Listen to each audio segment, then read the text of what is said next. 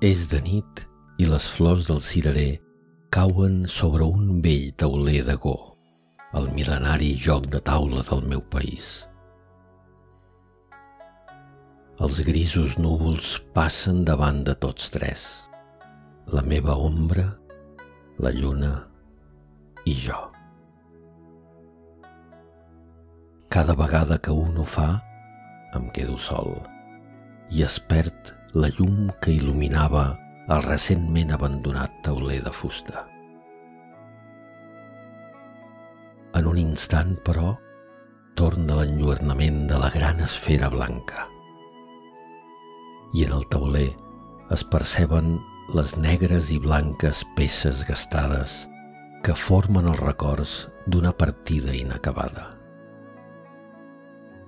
Però ja no es mouen més ningú guanya.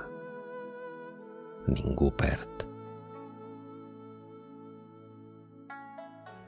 S'ha esvaït l'habitual so del seu repic contra el tauler. La celebració del guanyador, els riures i els comentaris de cada joc són ara silenci.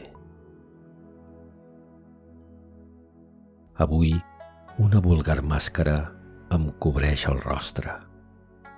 No puc estar sense ella tot i tenir coneixement de la seva inutilitat quan el moment arribi. Il·lús de mi, que creia que naixíem per viure. Ara ja entenc que vivim per morir.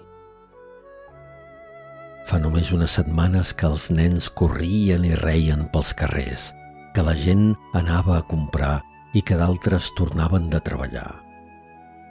Però actualment l'únic que s'observa és un paisatge solitàriament esgarrifador.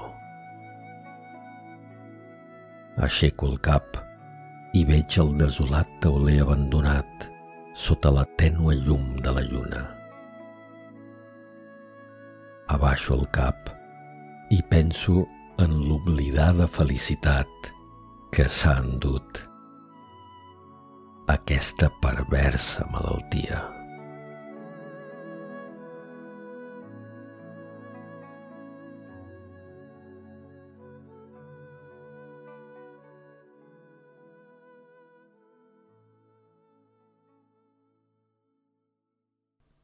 Sota la lluna, un virus, de Joel Ayet.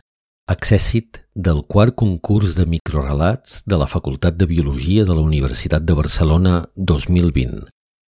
Enregistrament en veu alta.